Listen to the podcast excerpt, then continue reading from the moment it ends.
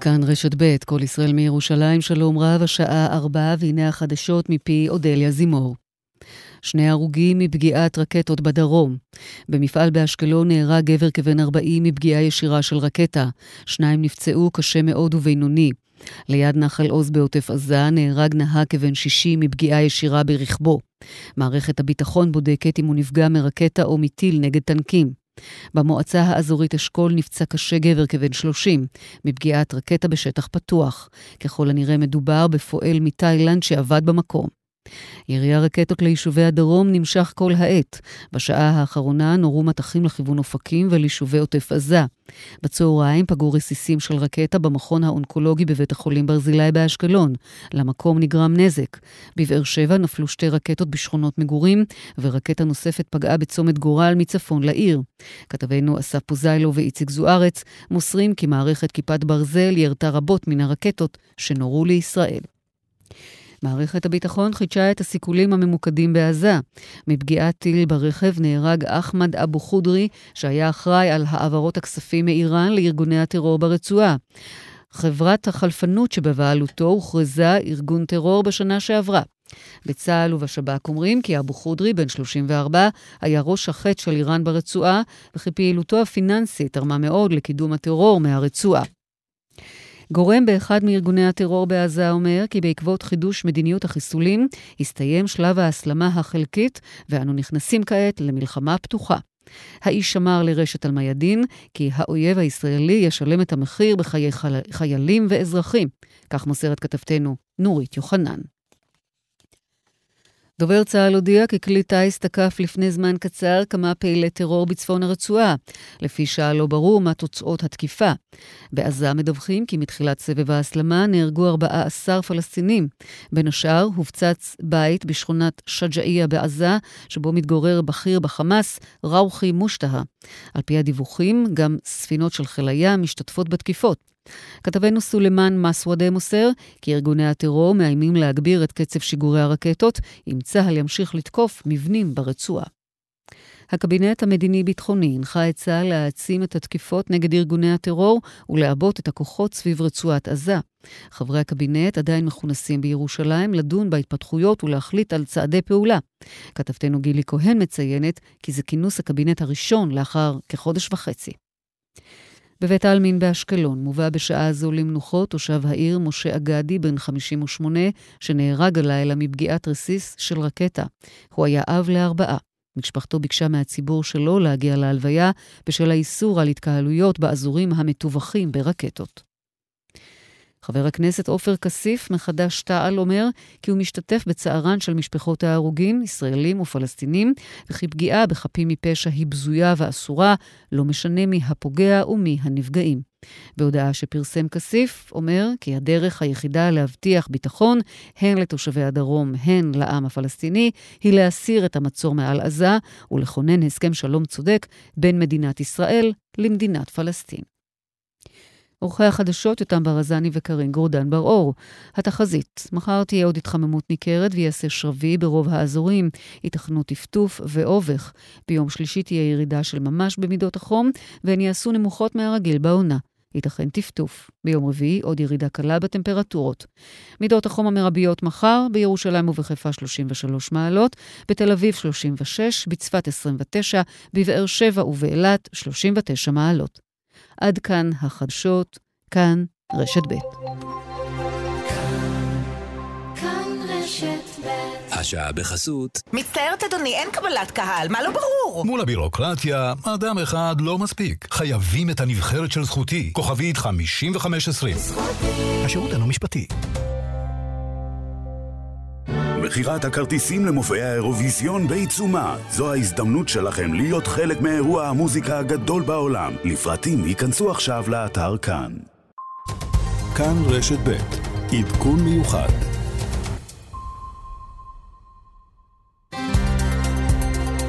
כאן רשת ב' יאיר ויינרב כאן רשת ב'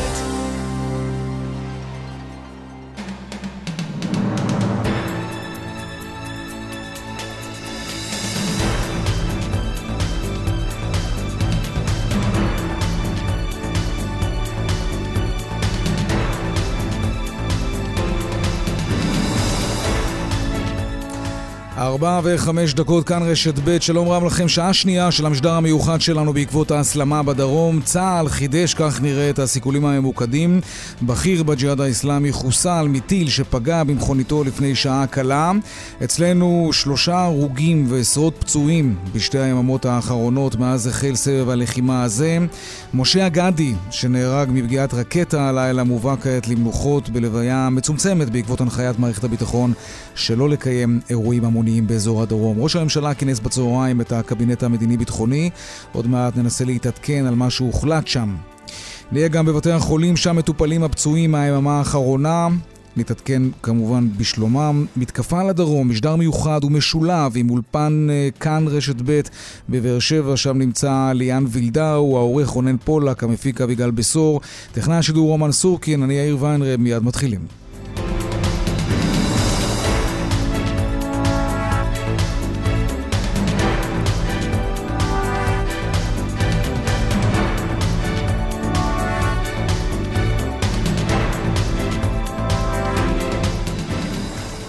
אנחנו מדלגים לאולפן באר שבע שלנו, שלום ליאן וילדאו. שלום, שלום.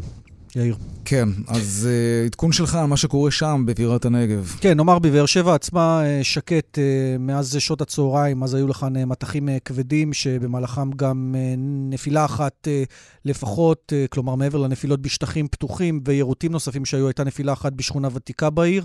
נגרם נזק רב, אבל לא היו נפגעים. אגב, באחד הבתים שם פשוט משפחה שמבעוד מועד הוציאה את זוג ההורים המבוגרים, אחד מהם נכה 100% ששכב ממש על מיטה בתוך הבית. Uh, ולאחר מכן אותו, אותו חדר עם אותה מיטה אה, נפגע באופן די קשה, כך ששני ההורים לא שהו במקום למרבה המזל ולא היו נפגעים אה, בנפילה הזו. אה, בשאר הגזרות צריך להגיד אה, בכל האזור אה, של עוטף עזה, אזעקות לאורך כל אה, הצהריים ואחר הצהריים, אה, כאשר גם אנחנו מדווחים בשעה האחרונה על אה, פצוע בחבל אשכול, אה, בשטח פתוח נחתה שם רקטה ומרסיסי אותה רקטה נפגע אדם אה, כבן 25, ככל הנראה פועל תאילנדי. שהוא עבר אה, בפינוי מוסק אה, לבית החולים, מצבו קשה, אה, וזה העדכון על, למעשה על הנפגעים, עדכון נפגעים האחרון שקיבלנו. אנחנו ממשיכים כל העת לעדכן.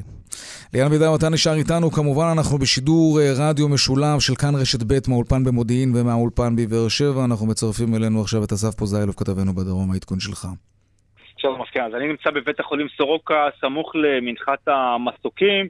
ולכאן לפני כעשר דקות הובא אותו אה, פועל תאילנדי שנפגע אה, במושב מרסיסים של רקטה, אה, ומצבו אה, נראה, אה, ממה שהצלחנו ככה אה, לקלוט ולדבר אה, קשה, אה, על אלונקה קשור אה, וחבוש אה, בכל חלקי גופו, נפגע מרסיסים אה, רבים. מעבר לכך, שאלת קודם לכן על המצב אה, אה, בערי הדרום, אז מרכזי הקניות בבאר שבע ריקים לחלוטין, ממש תחושה של מלחמה, וכך גם בערים אחרות, גם באשקלון, גם באשדוד, בטח באזור היישובים היותר קטנים, באזור עוטף עזה או מערב הנגב, כמו נתיבות, למרות שבשעות האחרונות יחסית, יחסית שקט, מלבד פגיעה אה, לפני אה, כשעה, אה, לפני כשעה היה איזשהו מטח קטן לאזור שער הנגב, רקטה שהתפוצצה בתוך יישוב עם נזק קל לאותו בית וללא נפגעים, בעוד צה"ל החל אה, לראשונה מזה זמן מאוד מאוד רב בסיכולים ממוקדים בתוך הרצועה, אה, וזה קרה כבר כמה פעמים, גם אה, פעיל טרור שיכול לעבור כספים מאיראן לארגוני הטרור, כן. וגם עוד פעמיים של קבוצות של פעילי טרור, אז אנחנו מחכים כאן לראות איך או האם זה ישפיע גם על, גם על אזור הדרום. כן, אסף עוזרלוב, כתבנו בדרום. ליאן וילדאו, גם אתה תושב אה, העיר כמובן. אה, אנחנו שומעים שמטבע הדברים השגרה היא כבר לא כפי שהייתה כתמול שלשום, אבל יש משהו שאנחנו יודעים לומר על שגרת אה, היום-מחר. אנחנו מדברים על 210 אלף תלמידים שמערכת החינוך הייתה מושבתת בעבורם במהלך היום. משהו לגבי באר שבע שאתם יודעים? צריך להגיד שממתינים כמובן להערכות פיקוד העורף. זה מתבצע בדרך כלל בשעות הערב, לקראת השעה 6 בערב, ליום המחרת, וזה כמובן דינמי בהתאם להתפתחויות. וכרגע, לפחות על פי מה שנראה, לא נראה שיהיו הקלות, אבל זה, זו באמת הערכה שלי אה, בנוגע למה שהולך אה, לקרות, אה, כאשר גם זכו לנו בעבר שגם אם פיקוד העורף אה, הנחה, יש לעיתים אה, מצבים שראשי הערים מעדיפים אה, מבחינתם אה, להקשיח, להקשיח את ההנחיות ולא לפתוח את מוסדות הלימודים שהיום היו סגורים כמובן בכל רחבי הדרום, כולל כאן בבאר שבע, וזה כולל גם אה, חוגים שבוטלו וכל פעילות שלא מבוצעת תחת מקום שיש בו מרחב מוגן. אסורה כמובן ההתקהלות ההמונית, ועל כן זה מבטל רב, רבות מן הפעילויות, וכפי שאסף הזכיר, גם מרכזי הקניות סגורים, או לפחות לא פוקדים אותם אנשים מן השורה שנמצאים כמו משפחת, המשפחות פה שלנו, אה, עובדי אה, כאן, אה, נמצאות בבית, בחדרים או בקרבת הממ"דים, מאחר שהאזעקות נמשכות. כן, אסף רוזיילוב. כן, אז אולי אפשר בעצם להוסיף עוד איזושהי אינדיקציה, אחת האינדיקציות הראשונות, אולי איזושהי מגמה של חזרה לשגרה. ברכבת ישראל, אחרי uh, התייעצות עם גורמים ביטחוניים כמו שעושים בדרך כלל וגם פריקה של המסילות, אז תחודש תנועת הרכבות לאזור הנגב שהייתה מושבתת לחלוטין. הנגב, או אזור הדרום בכלל, היה ממש תחת מצור בפעם הראשונה שכל תנועת הרכבות הושבתה, לא רק הקו מאשקלון לבאר שבע, דרך שדרות, אלא ממש כל תנועת הרכבות uh, מקריית גת עד באר שבע, גם uh, תחנות באר שבע, צפון ומרכז שנוסעות לתל אביב, גם מקריית גת לתל אביב החזרה נסגרו לחלוטין, ועכשיו uh, ברבע שעה האחרונה מודיעים ברכבת שקיבלו אישור מגורמי ביטחון לפתוח את כל תחנות הדרום בחזרה, uh, ממש כעת uh, הן נפתחו. זו אולי עוד איזושהי אינדיקציה זמנית לפחות לאיזושהי חזרה לשגרה, נגיד את זה בינתיים אה, בעדינות, אה, אלו רק הערכות, וגם הערכות גורמי הביטחון כאן באזור, הערכות של פיקוד אה, דרום, למשל מתבררות לפעמים כשגויות או כהנחות כן. ש... אה, שמשתנות אה, אפילו מהר מאוד. ויאיר, נחדד גם את ההנחיות אה, של פיקוד העורף, שהן תקפות לפחות עד הערב בשעה שמונה, באשר למה ששאלת, למשל מתחמי הקניות בעוטף עזה, מרכז הנגב, לכיש ודרום השפלה, זה כולל למעשה את כל אזור הדרום, זה מתחמי קניות שבמבנה סגור עד 300 איש, מתחמי קניות בשטח פתוח לא פועלים, לא, אין אפשרות להיות שם, והתכנסויות והתקהלויות עד 300 איש בשטח סגור בלבד. לגבי הפעילות החינוכית כבר ציינו שאין. זו תמונת המצב. כן, זה גם כולל את צער הלב, אה, באמת גם את אה, לווייתו של משה אגדי שמובא כעת למנוחות באשקלון, ללוויה שהייתה אמורה להיות, איש דמות מאוד מוכרת באשקלון, הייתה אמורה להיות לוויה עם הרבה מאוד אנשים שרצו ללוות אותו בדרכו האחרונה, אבל הם לא יכולים בגלל הנחיות הביטחון האלה. אסף רוזיילוב, כתבנו בדרום, תודה רבה לך על העדכונים האלה. ליאן, בוא נצרף את הדס גרינברג, כתבתנו, שנמצאת גם היא בבאר שבע, סמוך לבית, שחטף פגיעה ישירה מרקטה. שלום, הדס. נכון, אה, יאיר, אה, לא סמוך לבית, בתוך הבית, שזה פגיעה... בתוך הבית. אה, ישירה, כן. תארי לנו איך זה נראה. כן, כן, ודאי. הפגישה הקשה כאן בבית הזה בבאר שבע התרחש סביב השעה אחת, פגיעה ישירה של רקטה ממש בחצר הבית. היה כאן בעצם סוג של מחסן, ממש במרפסת של הבית, שפשוט התפרק לגמרי. מלבד זאת, הבית הזה שהוא בית אה, שעשוי אה, כולו אה, מעץ, כולו mm. נפגע בין מבחוץ, בין אם מבפנים, מבחוץ כמובן. אנחנו יכולים לראות את ממש מרבית הבית פשוט מקולף מבחוץ. אפשר לראות כמובן כאן את כל הרסיסים כאן, שעפו באמת לכל עבר. היו כאן גם לא מעט מכוניות שנפגעו, אבל כבר פינו אותם, וכרגע בתוך הבית גם זכוכיות, גם אה, כמובן חתיכות אה, עץ, אני מדברת על... אין מרחב מוגן עצמו. בבית הזה, הדס, נכון? זה בית לא, לא, לא, בשכונה אין, ותיקה. זה בית, בדיוק, זה בית בשכונה ותיקה, אין כאן מרחב אה, מוגן, ואנחנו נציין שהמזל הגדול שהיה כאן, גרים כאן זוג מבוגרים, בני משפחת בוגנים, שבעצם אה, הבעל הוא אה, אה, צמח והאישה ג'ורג'ט, אנחנו דיברנו איתה ממש לפני מספר רגעים. אתמול ב-12 וחצי בלילה, אחרי שתי האזעקות הראשונות, מחליט הבן שלהם, שגר בעומר, להכריח אותם, שהוא מוציא אותם מהבית ומעביר אותם לאחות שגרה בשכונה אחרת בבאר שבע. הוא ממש מזמין אמבולנס בשביל לפנות אפילו את אביו, זה מצריך כאן פינוי של אמבולנס, והוא מעביר אותם. סיפור מדהים. ב-12 בלילה, כן, לבית ה... לבית, לבית של האחות כאן בבאר שבע, והם שומעים על הפגיעה הזאת באחת בצהריים מאחד מבני משפחתם. אני שוחחתי כאן עם... עם הגברת ז'ורג'ט, שזהו ביתה, היא אמרה לי, אני הייתי בהלם מוחלט, אני לא הפסקתי לרעוד כששמעתי מה קורה, אם מדובר באישה מבוגרת, דאגו להיות לידה, להקיף אותה, היא נכון לכרגע נמצאת כאן בפנים, בתוך הבית, היא הגיעה לראות את ההרס, גורם לה ללא מעט צער וכאב, דיברתי איתה, היא אמרה לי, אני לפה לא יכולה לחזור. אני מפחדת להיות פה, אני עכשיו באתי לראות מה יש פה ולאסוף את החפצים היקרים שלי, אבל אני לפה לא חוזרת, אני לא רוצה שישפצו לי את הבית, זה מפחיד אותי, המקום הזה מפחיד אותי, ואני אציין, זה, זה המקום שהיה הבית שלה. זה המקום שהכי מפחיד אותה עכשיו. מה זה אומר לגבי שאר תושבי השכונה, הדס, שאת מציינת שהיא שכונה שאין בה מרחבים מוגנים? האם יש להם פתרונות אחרים? שזה די מדהים שאחרי כל כך הרבה שנים של סבבים אחרי סבבים, עדיין, יש גם באשקלון, שרוני דן כתבינו הסתובב שם כל הבוקר, סיפר לנו על שכונות שלמות שאין שם מרחבים מוגנים. תראה, אני יכול לומר לך שבעבר, יאיר והדס, בשכונות כאלה היו מציבים מיגוניות. השאלה אם גם הפעם זה כבר נעשה, או שמה ייעשה, האם יש אינדיקציות נכון לאיפה שאני נמצאת, ואני כאן מסביבי לפחות רואה שמונה או תשעה בתים ככה בטווח העין שלי. כן. מיגוניות אין פה. אין.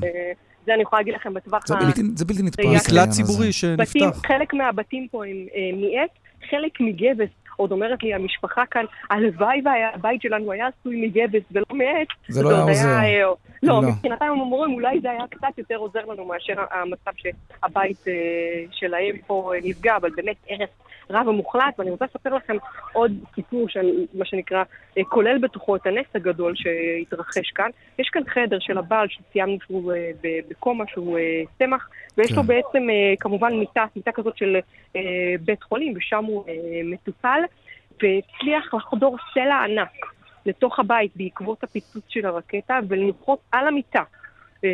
שבה הוא היה אמור לישון אתמול בלילה, להיות, לשהות שבה הוא ככל הנראה נמצא רוב שעות היום, כן. כן, כן, לחלוטין, הוא היה צריך, הוא לא יכול להיות בשום מקום אחר. כן. זה המקום שהוא נמצא בו. וזה באמת נס כפול ומכופל שהוציאו הבן שלהם הוא זה שחייב אותם מהיישוב עומר? חייב אותם, הוא אמר לי, אני כבר אפילו כעסתי עליהם ואמרתי להם, אתם יוצאים מהבית ואני דואג להוציא אתכם מהבית, אתם לא תישארו פה אחרי האזעקות שהיו, הוא התעקש על זה, וההתעקשות הזאת הצילת חייהם. סיפור, סיפור מדהים. כן. הדס גרינברג, תודה רבה לך על הדיווחים והסיפורים האלה שאת מביאה לנו מהשטח. תודה. תודה. ליאן וילדאו, כרמלה מנשה, כתבתנו הצבאית, נכנסת אלינו לאולפן. כרמלה, את אחרי תדרוך עם קצין בכיר בחיל האוויר, אחרי הסיכול הממוקד ברצועת עזה. כן, גורם בכיר בחיל האוויר אומר, הזמן רב לא היה סיכול ממוקד במעגל הלחימה, סיכלנו את אותו חלפן כספים של החמאס. הסיכול היה עם מודיעין של השב"כ, זה היה סיכול במרכז הרצועה, כמה כלי טיס השתתפו בתקיפה, צה"ל ערוך להמשך מבצעי סיכול, אה, והחמאס ואנשיו חשופים לכך שכל אימת שנחליט, אה, נפגע בהם. חיל האוויר, הוא אומר, פועל מיום שישי, יש מאות, ירי, מאות אה, אה, פעולות. אה, מבחינתנו החמאס הוא הריבון, הוא צריך למנוע מהג'יהאד האיסלאמי, היה צריך עוד ביום שישי. אנחנו מדברים על uh, עצימות גבוהה יותר, מטרות יותר רחוקות של חיל האוויר. Uh, אנחנו ערוכים לכל דבר. בתחום ההגנה, uh, ההגנה האווירית, כל זליגה היא גורמת צער גדול. 600 שיגורים עד כה, uh, uh, כאשר בצוק איתן כל uh, יום היה שיגור של 130, אנחנו מדברים על יום אחד, יומיים. 600 שיגורים. 400... צריך לומר, כרמלה, אבל שהסיכול הספציפי הזה הוא נגד אדם במערך האדמיניסטרטיבי, נגדיר זאת כך, של חמאס, לא נגד משגרי הרקטות שיש קושי לאתר אותם, הם עושים זאת מתחת לפני הקרקע. כנראה שהוא חשב שלא יחפשו אותו, כי הוא באמת פחות, הוא באמת בדרג השני או השלישי, אבל כל המג"דים, המח"טים וכל האנשי הג'יהאד האסלאמי שהם יעדים רצויים, אני חושבת, זאת אומרת, הם הסתתרו כבר, הם הבינו שהם יעדים, אבל אני חושבת שצה"ל ממשיך ב... לנסות ולבצע עוד סיכולים כאלה. אבל שוב, אנחנו מדברים על מתוך 600 ה... אותם רקטות, 400 פגעו בשטחים פתוחים, 200 פגעו ביישובים מיושבים. 200 שוגרו ליישובים מיושבים, יש 86 אחוזי הצלחה. אותו קצין אומר, אנחנו מתמודדים, מערכי לוחמי הגנה אווירית מתמודדים עם יכולות, עם מטחים מורכבים, ברצינות. כל זליגה מתוחקרת על שולחנו של ראש המטה של חיל האוויר. אבל הוא מדגיש, מדובר בסטטיסטיקה מרשירה, יש מאות גיחות הפעילות הזאת אה, נמשכת לפי הנחיות הדרג המדיני. הם אה, פועלים, עובדים, אה, כל סיכול שאנו מבצעים, כל פגיעה, יש תגובה בבניין, יש תגובה אימפולסיבית, הוא אומר, של ירי, לא יכולים לשלול ירי גם למרכז, ירי של החמאס או הג'יהאד גם למרח... למקומות מרוחקים, זה ביכולת שלהם, אנחנו ערוכים. גם uh, סמוך uh, לגדר, ואנחנו נמשיך בפעילות הזאת גם אם זה יביא בסופו של דבר לעימות. כרמל מנשה, כתבתנו לענייני צבא, תודה רבה, ואנחנו ממהרים לשרון עידן, כתבנו, עם אה, דיווח על פגיעה במסילות הרכבת בקו שבין באר שבע לאשקלון. יש לזה קשר להסלמה הביטחונית? כן, כמובן. צריך לומר שבמטח יאיר שהיה לפני משהו כמו שעתיים לכיוון אה, הדרום, בעיקר אזור אה, אשקלון, הייתה פגיעה באחת המסילות, אגב, לא רק במסילות, אלא גם במערכת האיתות, שזה אפילו יותר בעייתי, זאת אותה מערכת שכמובן מנתבת את הרכבות, ולכן בעצם במשך כשעתיים, כמעט עד לפני כמה דקות, לא היו לנו רכבות העיר בין באר שבע לבין קריית גת, אחד הקווים המרכזיים בדרום, אבל ממש אה, בדקות האחרונות נפתח שוב הקו בין באר שבע לקריית גת בשני הכיוונים, וצריך לומר שגם התחנות עצמן של באר שבע מרכז, תחנה השנייה בבאר שבע פתוחות כרגע, לאחר שבעצם סרקו יאיר את המסילה ותיקנו את אותו חלק שניזוק, אבל חייבים להדגיש גם עכשיו ששלוש תחנות עדיין סגורות, גם תחנות, אה, אה, גם תחנת שדרות, גם תחנת אופקים, גם תחנת נתיבות יאיר, כל התחנות האלה סגורות ומסוגרות לא להגיע לשם, אין שום תנועת רכבות באזורים האלה, אבל שוב, כרגע, ממש בדקות האחרונות, מתחדשת התנועה בין קריית גת לבאר שבע בשני הכיוונים. ייתכן שיהיו שיבושים קלים אה, או איחורים קלים כתוצאה מזה ששוב הקו נפתח, מערכת האיתות, אבל זה חזרה לשגרה, לפחות בקו הקטן הזה, יאיר. שרון עידן, אה, כתבנו, תודה, תודה רבה. תודה. אה, ותוך כדי השיחה עם שרון, אנחנו מתעדכנים, יאיר, על אזעקות גם במועצה האזורית שדות נגב וגם במועצה האזורית שער הנגב, ואיתנו ראש מועצת שער הנגב, אופיר ליפשטיין, שלום לך. שלום וברכה. אז ראשית, בוא עדכן אותנו לגבי המטח האחרון בגזרה של המועצה האזורית שלך. אה, מטח אה, שלא מסתיים, יש כל הזמן אה, התראות של צבע אדום. אנשים נמצאים במרחבים מוגנים, וזו הזדמנות, אני חושב, המסר הכי משמעותי זה לבקש, ואני פונה לתושבים שלנו בשער הנגב ובכלל בעוטף ובכל הסביבה, להישמע להוראות התגוננות. לתפוס אה, מחסה ברגע ששומעים צבע אדום, זה הדבר שמציל חיים הכי חשוב. ונדמה לי שיש איום אה, נוסף שאולי אתה uh, תידרש לעסוק בו, לפחות זה עדיין לא ברור באופן ודאי, אבל סמוך לאזור שלכם, פגיעה ברכב, פגיעה ישירה, שייתכן שמדובר בירי נ"ט, עדיין נבדק אם זה ירי נ"ט או ירי רקטי, וזו גם סיטואציה שמסבכת עוד יותר את התנועה לצירים שם.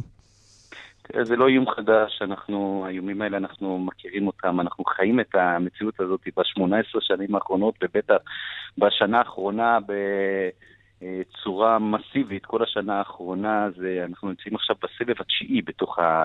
רק בשנה האחרונה. ואנחנו מכירים את כל האיומים האלה. אתה יודע, מצד אחד אנחנו לא מוכנים אה, לקבל את זה כמשהו שצריך להתרגל אליו בשום פנים ואופן. מצד שני, אנחנו, לצערי או לשמחתי, מתורגלים אה, להתמודד עם הסיטואציה הזאת. כן, אופיר ליבשטיין, אני רוצה לשאול אותך, אנחנו משוחחים עם אנשים באשקלון וגם בבאר שבע, דיברנו כך אה, ליאן ואני קודם עם כתבים שנמצאים בשטח, מתארים לנו מה שקורה. האם המציאות במועצה האזורית דרום שער הנגב דומה? האם גם אצלכם ישנם תושבים שחיים ללא מרחבים מוגנים בהישג יד, רגל? אצלנו רוב היישובים הקרובים לגדר, הם בשבעה קילומטר הם, הם נמצאים עם מיגון. יש לנו יישובים שהם מעבר לשבעה קילומטר, כמו קיבוץ דורות וכמו קיבוץ ברור חיל. ורוחמה שנמצאים מעבר לשבעה קילומטר, אמנם זה 7.2, 7.8, אבל הם, הם לא נמצאים עם מיגון. מה זאת אומרת לא נמצאים עם מיגון? רגע, תגדיר, תסביר. מה זה אומר שאותם קיבוצניקים חיים ללא ממ"ד, ללא מקלט, ללא מיגונית? נכון, נכון, נכון. אני מוכרח לשאול, תסביר לנו איך זה יכול להיות. זו החלטת הממשלה, החלטת הממשלה הייתה למגן את היישובים בשבעה קילומטר, וככה... ככה זה נעשה. למה זה תלוי בהחלטת ממשלה? הרי גם אנשים שחיים ברעננה או ברמת השרון, יש להם או ממ"דים, או מקלט, או מקלט ציבורי. היום שבונים בית חדש, אם זה בית קומות שבנו בעבר, או בתים חדשים שבונים בכלל, היום חלק מתוך המחויבות זה לבנות את הבית עם ממ"ד. הבתים, הקיבוצים פה, אתה יודע, הוקמו פה אה, לפני עשרות שנים, והקיבוצים עצמם לא היו מחויבים יש פתרונות, יש מיגוניות. מה קורה בתקופות כאלה? הקיבוצים מתרוקנים, או שאנשים פשוט ממשיכים לחיות שם ואומרים יהיה אשר יהיה? תראה, אנחנו עוברים פה בשעות האחרונות או בימים האחרונים בסבב הזה, אה, אנשים נמצאים הרבה מאוד, מי שקרוב באמת ביישובים אה, צמודי הגדר, נמצאים בממ"דים עם הילדים. אני מדבר על היישובים שאין להם מרחבים מוגנים. מה קורה שם? אז, האם הקיבוצים מתרוקנים? חלקם נמצאים בבתים וחלקם יוצאים וחוזרים, וכן, זה המציאות שלנו פה. זה קצת בלתי נתפס, ליאן וילדאו, לא? כן, אבל אנחנו זוכרים את המאבקים גם סביב עניין המיגון. זה היה סביב זה, תקן אותי אם אני טועה, אופיר ליבשטיין, מאבק משפטי ארוך, וזה נידון לא פעם ולא פעמיים. ובסופו של דבר הגענו עד הלום, וזה נידון בכל פעם מחדש בסבבים שהולכים ומתגברים עלינו לרעה. ואגב, תוך כדי... הולכים, כן. נכון, הם הולכים ומתגברים עלינו. אני אומר, השנה האחרונה זה שנה שהיא באמת שנה עם מפנה, כי זה שילוב פה. אני לא מדבר רק על הסבבים האלה שאתם מעודכנים, ושזה סבבים רחבים יותר, שפוגעים במעגלים גדולים יותר, אבל לאורך כל השנה אנחנו מתמודדים פה, התושבים שלנו מתמודדים פה עם הבלוני תבערה ועם בלוני נפץ ועם המנהרות ועם ה... התפרעויות בגדר ועם פיצוצים פה שיום שישי אחרי שישי, עשרות אלפי אנשים, סיטואציה מורכבת. כן.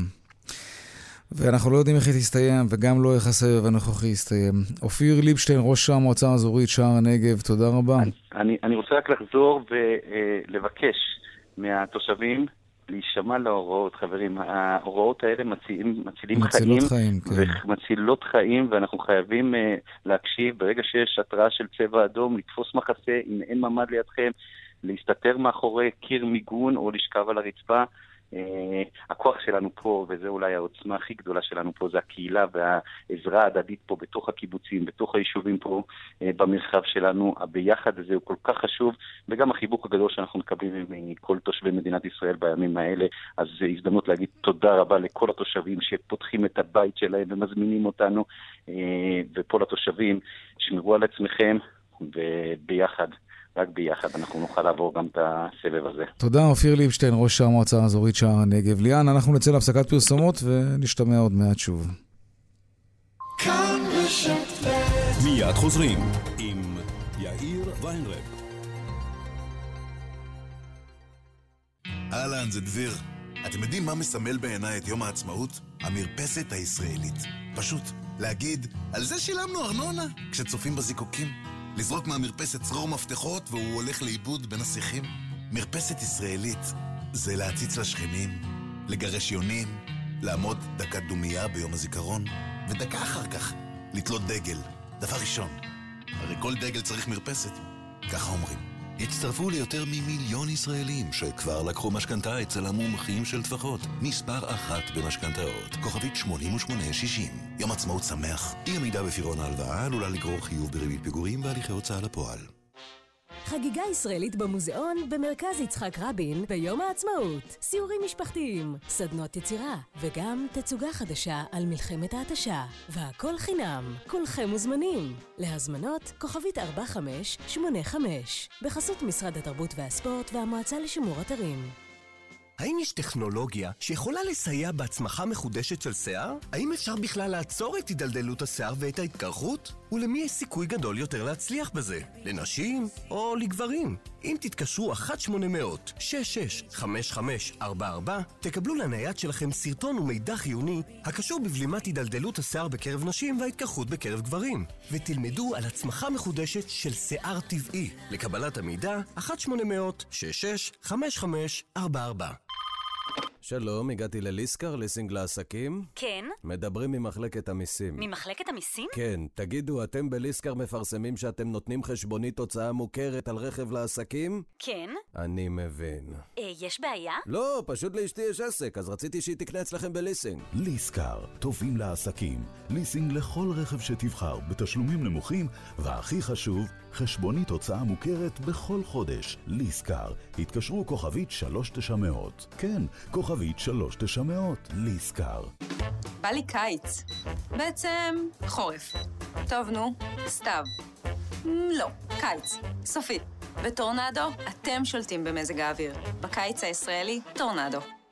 שלום, כאן מיכה גודמן. לספר החדש שלי קוראים חזרה בלי תשובה. מקווה שתיהנו. חזרה בלי תשובה, מיכה גודמן. עכשיו בחנויות ספרים. חנות המאווררים סטאר חוגגת 70 ומזמינה אתכם לבוא ולהתרשם מסטאר 7 החדש ומעוד מאות דגמים מהמובילים בעולם. תתרגלו לישון אחרת. לישון עם סטאר. כוכבית 2230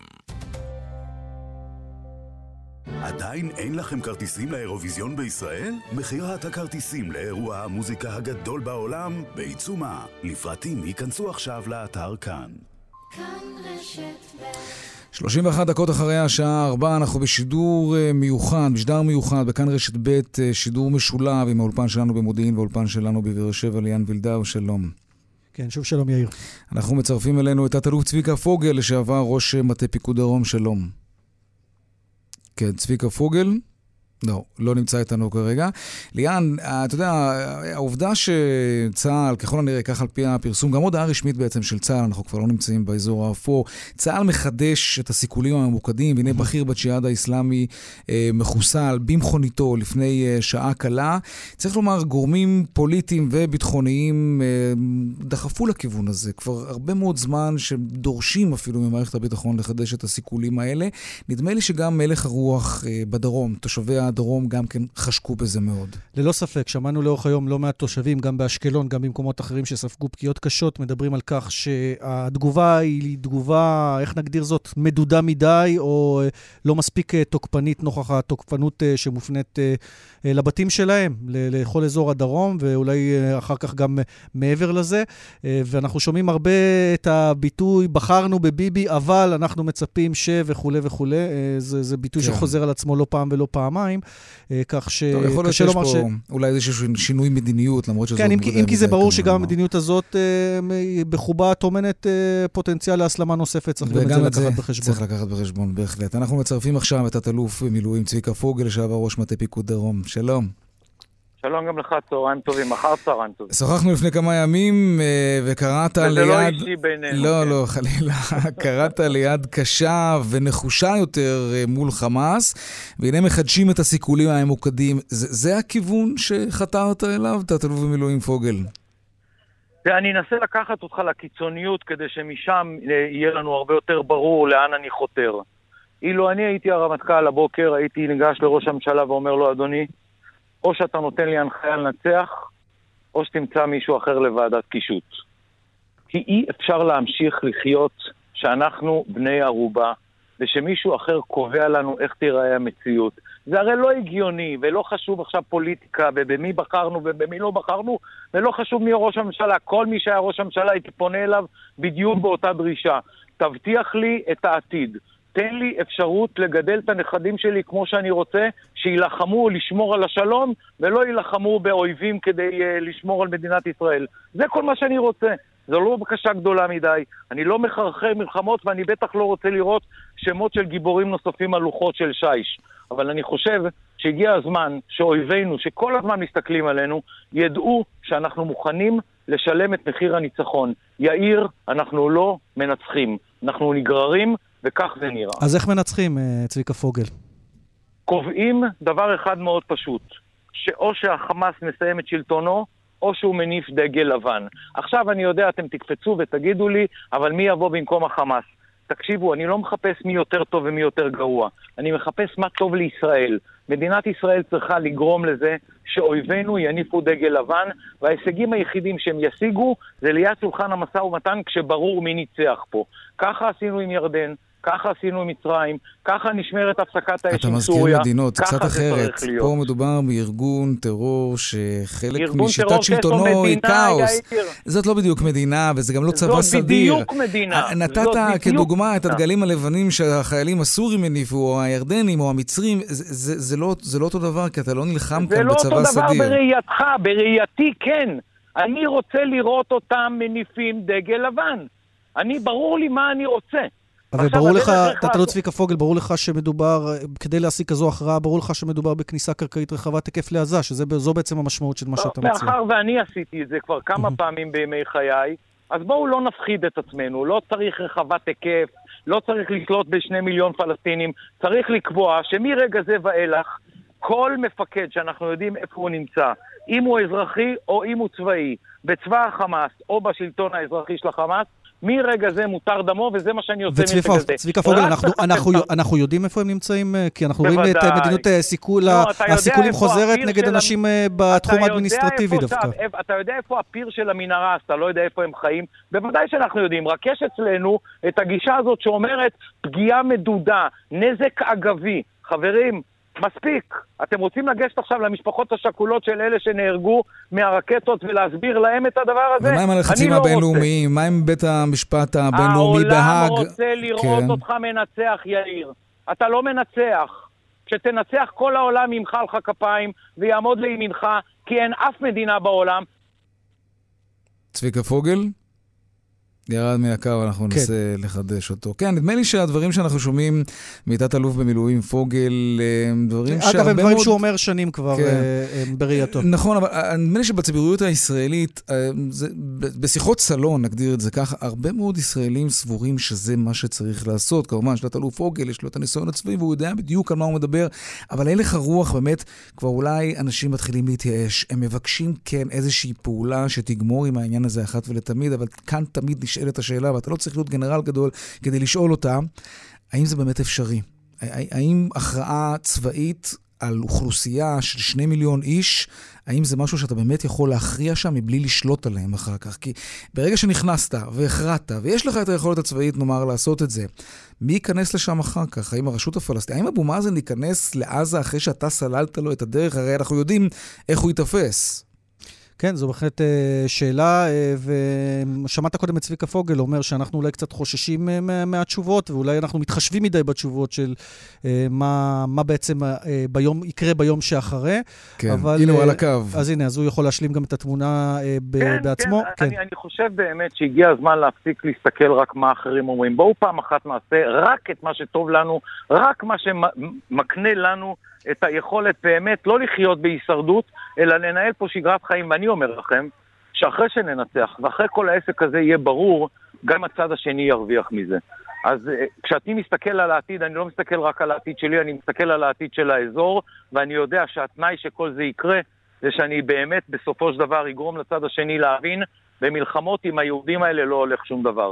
רק ליד שולחן המשא ומתן. תת-אלוף במילואים צביקה פוגל, לשעבר ראש מטה פיקוד דרום, תודה רבה לך על הדברים. רק בשורות טובות, תודה לכם. ליאן, שנבדוק מה קורה עם בהיבט התעשיינים. הכלכלי, כן, כן. זה אומנם אה, כרגע אולי בעדיפות אה, משנית, אבל זה בהחלט משהו שיצטרכו לעסוק בו גם בימים הקרובים ובהחלט בטווח הארוך. אנחנו מדברים על הנזקים הישירים והעקיפים אה, לכל מי שנפגע מהלחימה הזו, ואנחנו אומרים שלום לאביב חצבני, מנהל מרחב דרום בהתאחדות התעשיינים. שלום. שלום רב, אחר צהריים טובים, ושקטים עד כמה שאפשר. אז כן, בוא נשאל אותך כמה שקט יהיה לאנשים שלא עובדים היום, ואני מתכוון בהיבט אה, של פרנסה אחר כך. האם נשפוט על פי סבבים קודמים, יהיה להם קשה מאוד לראות את הכסף אה, אחרי אה, ההסלמה הזו.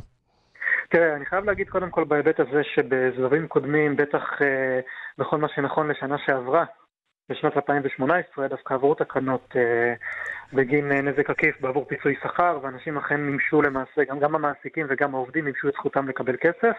אני חייב להגיד במאמר מוסגר שבשלב הנוכחי עם ההתחממות, אנחנו כרגע לא עוסקים לא בפיצוי, לא למפעלים ולא לעובדים, אנחנו מנסים לעבוד עד כמה שיותר בשגרה ולתת מענה למפעלים. אבל אני מניח שזה כן מטריד היום את אותם תעשיינים, זה לא משהו שהם יכולים לדחות אותו לאחר סבב הלחימה, כי הם צריכים לשלם משכורות, הם צריכים לשלם חובות שהם חייבים לספקים.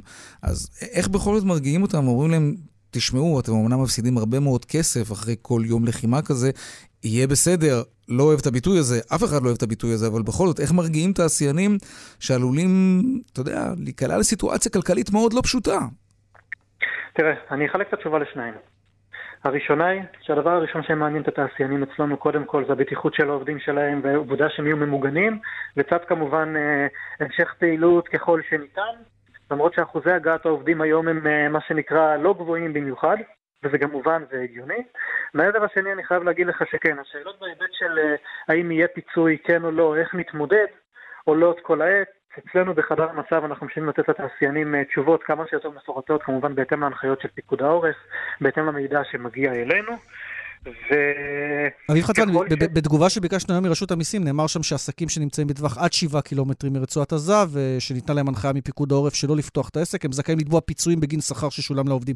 מה קורה אם מעבר ל-7 קילומטרים, כמו באר שבע, כמו יישובים גדולים אחרים? אז אני אסביר. מעבר ל-7 קילומטרים, וגם אתם יותר ממוזמנים לפתוח גם בין היתר את ההודעות של רשות המיסים. שר האוצר, מר משה כחלון, וערן יעקב, ראש רשות המיסים, כבר יצאו בהודעה שהם יאריכו את הוראת השעה שהייתה נכונה עד ל-28 לפברואר בשנה הנוכחית לפיצוי בגין שכר לעובדים בטווח של 7 עד 40 קילומטר. וזה כבר בוצע או יבוצע?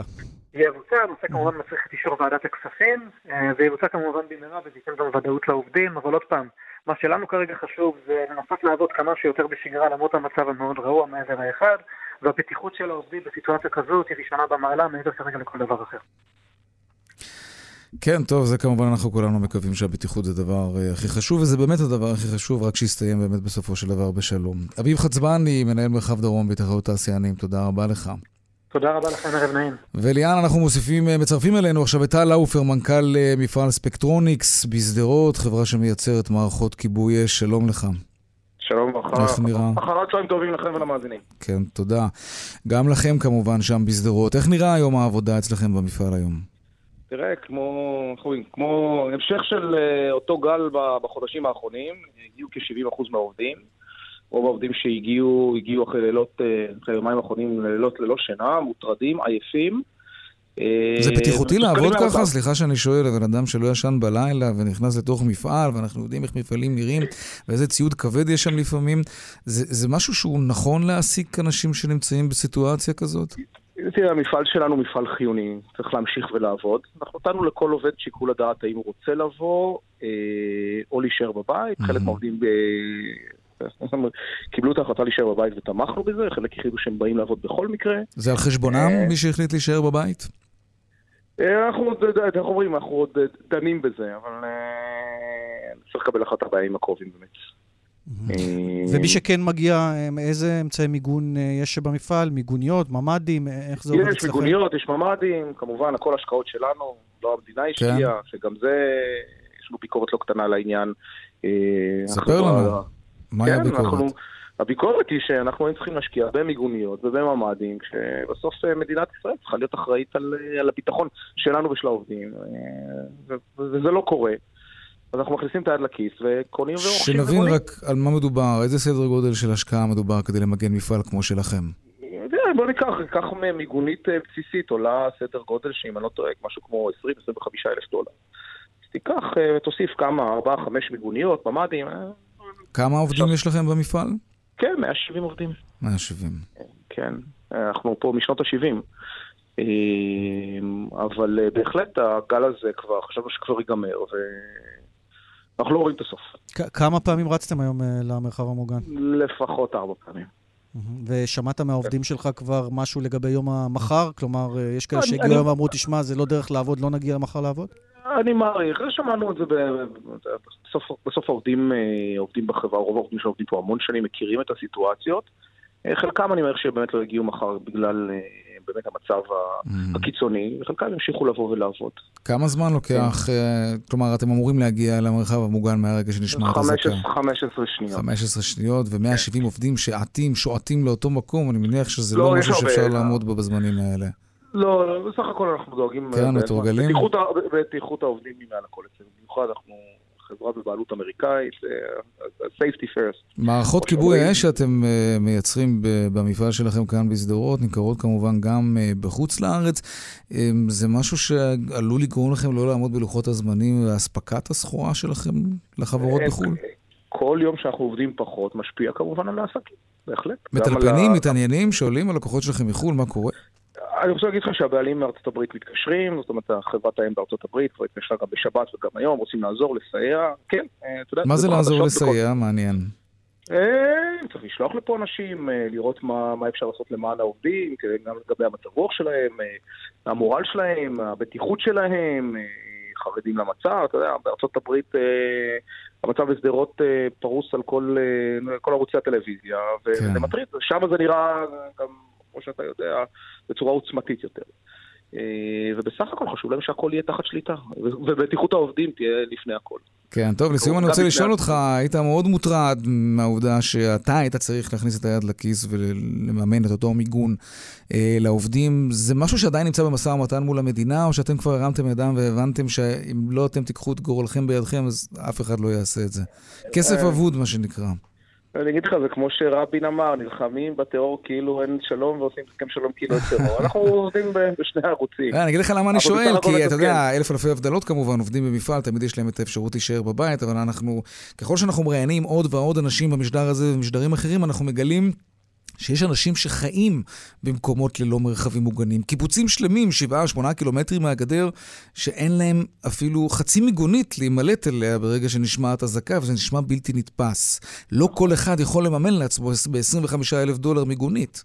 נכון, נכון. ו- ואני רואה שאני חושב שזה בסוף האבסורד, ובסוף מדינת ישראל מפקירה לא מעט תושבים באזור הזה, שבסך הכל נמצא 40 דקות ממרכז תל אביב, 45 דקות ממרכז תל אביב, ואתה נמצא במציאות אחרת לגמרי.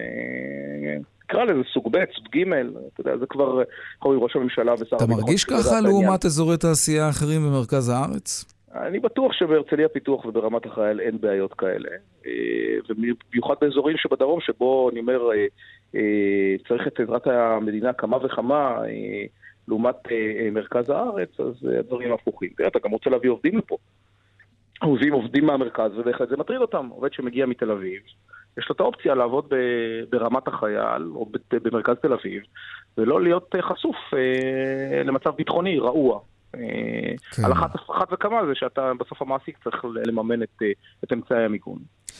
טל האופר, מנכ"ל אה, ספקטרוניקס, תודה רבה לך ותשמרו על עצמכם שם. תודה רבה, ושיהיה יום שקט לכולנו. הלוואי. 13 כן, דקות ו- לפני השעה חמש, אנחנו במשדר מיוחד ומשולב מהאולפן שלנו במודיעין, באולפן בבאר שבע, ליאן וילדאו. כן, ונזכיר אה, אפרופו השיחה עם אה, האיש הזה ממפעל ספקטרוניקס בשדרות, אה, שהיום פגיעה ישירה במפעל באשקלון, מפעל בטון, ושם למעשה אירוע קשה מאוד, אה, כן, כאשר אה, נהרג, אה, אדם פועל. נהרג, הוא לא הספיק להגיע למרחב המוגן. שוחחנו בצהריים גם עם, עם חברו לעבודה, והוא סיפר שיש מרחבים מוגנים, לא כולם מספיקים לרוץ, לא כולם מתורגלים בלרוץ למרחבים הללו, ועל כן היה מי שנתפס גם לא מוכן בסיטואציה הזו. אני מניח שבימים הקרובים גם בכל המפעלים, ואני ככה אני מקווה, גם יחדדו את כל ההנחיות ולא להיכנס לשאננות וכן לרוץ למרחבים המוגנים. כן, אנחנו נצא להפסקת פרסומות קצרה, ליאן, ומיד אנחנו שבים. חוזרים עם יאיר ויינרב. ההסתדרות, אחראית וחזקה בשבילכם. חגיגה ישראלית במוזיאון במרכז יצחק רבין ביום העצמאות. סיורים משפחתיים, סדנות יצירה, וגם תצוגה חדשה על מלחמת ההתשה. והכל חינם, כולכם מוזמנים. להזמנות, כוכבית 4585, בחסות משרד התרבות והספורט והמועצה לשימור אתרים. חוגגים עצמאות בסיטרואן.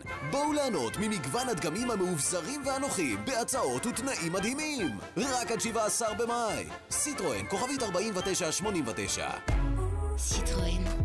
כפוף לתקנון. אהלן, זה דביר. אתם יודעים מה מסמל בעיניי את יום העצמאות? המרפסת הישראלית. פשוט, להגיד, על זה שילמנו ארנונה, כשצופים בזיקוקים. לזרוק מהמרפסת צרור מפתחות והוא הולך לאיבוד בין השיחים. מרפסת ישראלית זה להציץ לשכנים, לגרש יונים, לעמוד דקת דומייה ביום הזיכרון, ודקה אחר כך לתלות דגל, דבר ראשון. הרי כל דגל צריך מרפסת, ככה אומרים. הצטרפו ליותר ממיליון ישראלים שכבר לקחו משכנתה אצל המומחים של טפחות. מספר אחת במשכנתאות, כוכבית 8860. יום עצמאות שמח. אי עמידה בפירעון ההלוואה עלולה לגרור חיוב בריבית פיגורים והליכי הוצאה לפועל. מתכננים שיפוץ? מצאתם איש מקצוע? זה הזמן לבוא אל משיח קרמיקה. כאן תראו איך בפחות מ-25,000 שקלים תוכלו לקנות את כל מה שצריך לשיפוץ הבית. ריצוף, עריכי קרמיקה, אסלות, ארונות אמבט, ברזים, מקלחונים, דגמים וגוונים של מוצרי הבוטיק מהמובילים בעולם. בפחות מ-25,000 שקלים הבית שלכם ייראה מושלם, והאספקה מיידית. חפשו בגוגל משיח קרמיקה או התקשרו 1-800-50-40-90 בפעם הראשונה בעולם הביטוח, AIG Low Cost, ביטוח רכב שמקיף רק את מה שאתה מעדיף. לדוגמה, ביטוח מקיף לקיה ספורטאז' 2017 מ-2,159 שקלים. מה עם הרכב שלכם? התקשרו, הותגלו. 1 800 כפוף לתנאי החברה. היי, hey, כאן חנוך דאום. השבוע התקשרה אליי נציגת מכירות למכור לי ביטוח רכב. אכלת הראש, ואני גמור, בדיוק סיימתי שיחה עם קבר רחל. גברתי, שחררי, גם המחיר שנתת לי גבוה, לא עושה לי שכל. לפחות תעשי לי מחיר, כמו שירביט. חדש, שירביט עושה לכם מחיר. ביטוח רכב במחיר שיעשה לכם טוב. ועכשיו, גם חודשיים מתנה בביטוח המקיף לרכב. או, זה עושה לי שכל. כוכבית 2003, שירביט. כפוף לתנאי המבצע. ההסתדרות, הבית של העובדים בישראל. מכירת הכרטיסים למופעי האירוויזיון בעיצומה. זו ההזדמנות שלכם להיות חלק מאירוע המוזיקה הגדול בעולם. לפרטים ייכנסו עכשיו לאתר כאן. כאן רשת ב' תשע דקות לפני השעה חמש, ליאן וילדאו באולפן שלנו בבאר שבע. איך לדעתך הבורסה הגיבה למה שקורה היום? זה שאלת השאלות, לא? כן, בואו ננסה לברר יחד. רונן מנחם, כלכלן ראשי בבנק מזרחי טפחות, שלום. שלום יאיר. איך נראו המסכים היום? המסכים סיימו בצבע ירוק. האמת שכבר לפני כמה שעות ראיתי שזה ירוק, רק לא ידעתי אם זה יישאר ככה. אז זה התחיל אה, ירוק, בשלב מסוים במהלך היום זה עבר לירידות קלות, אבל סיים בסופו של דבר אה, בעליות, 0.3% תל אביב 125 ועשירית האחוז תל אביב 35. אה, שואלים לפעמים איך קורה שהבורסה עולה בימים אה, כמו היום, אז למען האמת, אה, בשנים האחרונות היו לא מעט הסלמות, נכון. ועם הזמן ההשפעה של ההסלמות האלה על שוקי ההון הלכה ופחתה. אפילו מלחמת לבנון השנייה לדעתי לא השפיעה יותר מדי על הבורסה, אולי בימים הראשונים ואחר כך מהר מאוד תיקנה. אכן הייתה לה השפעה מוגבלת. המשקיעים למדו לראות שהסבבים המלחמתיים הפכו להיות בשנים האחרונות יותר קצרים, יותר מוגבלים. זו גם הייתה הנחת העבודה של השווקים אה, כשהחל היום המסחר. אה, כשהתרבו האזעקות היה זמן מסוים שעברו לירידות, אבל לאחר מכן אה, העליות חזרו. הכלל אומר שהבורסה תגיב יותר בירידות חדות אם המשקיעים יגיעו למסקנה שהסבבים יותר אה, חמורים, חריפים, יותר ממושכים, או שנגרם נזק ממשי לפעילות הכלכלית של המשק. כל עוד שזה לא המצב, הבורסה גם מגיבה לדברים אחרים, בין השאר גם לעליות בשוקי חו"ל של סוף השבוע. שגרמו לכך שמניות הארביטראז' שבו מארצות הברית עם אה, פערים חיוביים. רונן מנחם, מבנק מזרחי טפחות, תודה רבה. יום טוב, ערב טוב. נרגעת ליאן, הבורסה בסדר. אוקיי, אני- נדמה לי שהיום זה בעדיפות משנית, עם כל הכבוד. כן, זה נכון, אבל אה, טוב, יהיה מעניין לראות בכל זאת מה קורה מחר. יש לזה זה גם משמעויות, אני מתאר לעצמי. אתה כמי כן. שעוסק בכלכלה, בוודאי יכול כן, יש לזה. משמעויות, אני אכנס לזה כמובן, אבל אין ספק שאומרים על הבורסה תמיד שהיא יודעת לצפות את פני העתיד, ואם זה אומר שהמשקיעים אופטימיים, אז הם ככל הנראה מעריכים שהסבב הזה לא יהיה ארוך מדי, אבל לשפוט על פי המציאות בשטח, אנחנו רואים פתאום שצה"ל מחדש את הסיכולים הממוקדים, וגם ירי, שיגור הרקטות מרצועת עזה לא פוסק, אז זה לא נראה כרגע קרוב, וגם אנחנו לא שומעים ולא יודעים על מה שקורה שם בקהיר, אותם ניסיונות uh, תיווך של מצרים. כן, ואולי בהקשר הזה נאמר שהאסקלציה לא באה לידי ביטוי רק בשיגור אה, רקטי ארוך טווח אה, יותר לערים היותר מרוחקות, אלא גם אה, בעובדה שעכשיו אנחנו גם מקבלים אישור רשמי מדובר צה"ל, אה, שחמאס ירה טיל נ"ט, טיל קורנט, אל עבר אותו רכב אה, Mm. במועצה האזורית שער הנגב. ברכב. הפגיעה הישירה ברכב גרמה למותו של גבר כבן 60, כך שמדובר פה גם על ירי ישיר של גם סוג של עליית מדרגה. אמת. כן. בואו נצרף את עמיחי שטיין, כתב התחום המדיני שלנו, קצת פרטים על ישיבת הקבינט. עמיחי. שלום יאיר, אז ישיבת הקבינט כבר נמשכת כמעט שעתיים ורבע, שעתיים ועשרים. וכאמור, אנחנו לא מקבלים כמובן מידע מתוך פגישת הקבינט עצמה, אבל אנחנו כן יודעים בעצם לפי הלך הרוח בשטח, כלומר אותו חיסול ממוקד ראשון מהסוג איתן וניסיונות נוספים לפגוע בפעילי חמאס בעצם, או וג'יהאד, אנחנו בעצם רואים את הכיוון כרגע מבחינת ישראל, כלומר ניסיונות לפגוע בבכירים, בדרג כזה או אחר בארגוני הטרור, מהבחינה הזאת זאת העליית מדרגה. וכאמור, מהקבינט אנחנו יודעים שגורם מדיני, ביטחוני בכיר בעצם אומר לנו שהקבינט הסמיך את הממשלה להגביר את פעילותה בעזה, לעבות את הכוחות בשטח. זה כאמור, הקבינט בעצם מיישם את ההחלטה שראש הממשלה ושר הביטחון כמובן קיבלו ביחד עם גורמי הביטחון בכל ההתייעצויות שקדמו לאותה ישיבת קבינט.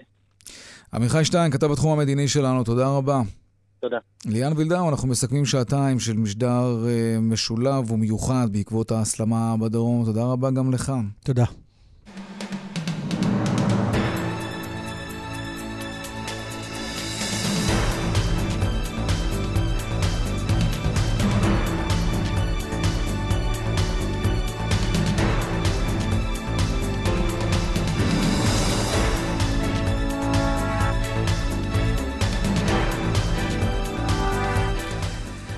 אז אכן עד כאן משדר החדשות המיוחד והמשולב שלנו מאולפני כאן רשת ב' במודיעין ובאר שבע. ערך את השעתיים האחרונות רונן פולק, הפיק אביגל בסור, הטכנאי רומן סורקין. הצוות בבאר שבע אורית שולץ ושמעון דוקרקר. אני יאיר ויינרב, מיד אחרינו כאן הערב עם רן בנימיני ויגאל גואטה עם כל העדכונים על מה שקורה עכשיו בדרום. עד כאן לפי שעה חוזרים מיד לאחר החדשות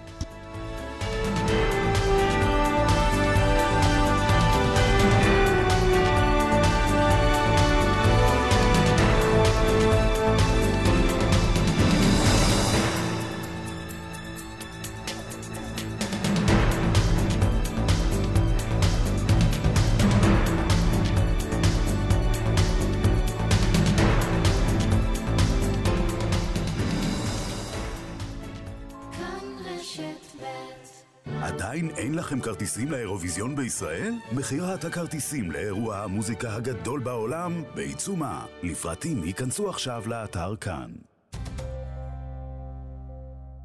ההסתדרות, אחראית וחזקה בשבילכם. מבצע באופטיקה הלפרין 71 אחוזי הנחה על כל המשקפיים אופטיקה הלפרין, כפוף לתקנון היי, כאן גלית גוטמן. גם אני, כמו הטבע, מרגישה שהגיע הזמן שלי להתחדש. רוצה לדעת איך? בזכות מגוון טיפולי יופי ואנטי-אייג'ינג ברשת רונית רפאל. רונית קוראת לזה מדע היופי, ואני? אני אומרת לה תודה. לפגישת ייעוץ ללא עלות, חייגו כוכבית 2555, רונית רפאל, מדע היופי. המאה הישראלית, ספרו פורץ הדרך של יוסי שיין. מדינת ישראל, אומת סטארט-אפ או מדינת הלכה. מי שרוצה להבין מה צופן העתיד, חייב להכיר היטב את העבר. פרופסור יוסי שיין מוביל את הקורא במסע פוליטי היסטורי מרתק של העם היהודי. המאה הישראלית, ספרו פורץ הדרך של יוסי שיין, בהוצאת ידיעות ספרים, מהדהד בעולם כולו. המאה הישראלית, עכשיו, בחנויות הספרים. כל החורף חיכיתם לו, וסוף סוף הוא הגיע. ארטיק תות פסיפלורה? לא! מי סייל בשטראוס מים. ברי המים תמי 4 עכשיו במחיר מיוחד. הזמינו עכשיו, ובקיץ הזה כל המשפחה תשתה יותר ויותר מים. שטראוס מים, כוכבית 6944 או באתר. בתוקף עד 23 במאי 2019, כפוף לתקנון, על פי סקר TNS, מרץ 2019. מבצע באופטיקה הלפרין 71 אחוזי הנחה על כל המשקפיים. אופטיקה הלפרין, כפוף לתקנון. דלתות פנדור מציגה קולקציית קלאסיק, החל ב-1185 שקלים, כפוף לתקנון. דלתות פנדור, סימן שלא התפשרתם. ביום העצמאות, לכל אחד מאיתנו יש דרך משלו לחגוג, אבל יש ציוני דרך שהם חגיגה היסטורית משותפת לכולנו. משרד ירושלים והמורשת מזמין אתכם להכיר את ציוני הדרך של המדינה בעשרות אתרי מורשת ברחבי הארץ. מקווה ישראל, בית לוי אשכול, גבעת התחמושת, החיזיון האור-קולי בכפר עציון, מכון איילון ועוד עשרות אתרים המספרים בדרכם את הסיפור המיוחד של כולנו. לפרטים חפשו ציוני דרך בגוגל. יום מורשת, אה, יום עצמאות שמח. וואו, אבא, תראה את המטס! כן, חמוד, הרכב הזה טס! אבא מבסוט מהאוטלט עצמאות. אאוטלט עצמאות, ב-Upright. עד שליש רכב מתנה בימי מכירות על מגוון רכבי יד שנייה. כן, עד שליש רכב מתנה. סגיר מושר. כוכבי 3130 Upright כפוף לתקנון. לפגישת ייעוץ ללא עלות, חייגו כוכבית 2555, רונית רפאל, מדע היופי. מבצע באופטיקה הלפרין 71 אחוזי הנחה על כל המשקפיים. אופטיקה הלפרין, כפוף לתקנון. ההסתדרות, הבית של העובדים בישראל. רן בנימיני ויגאל גואטה. כאן, אחרי החדשות. כאן רשת ב'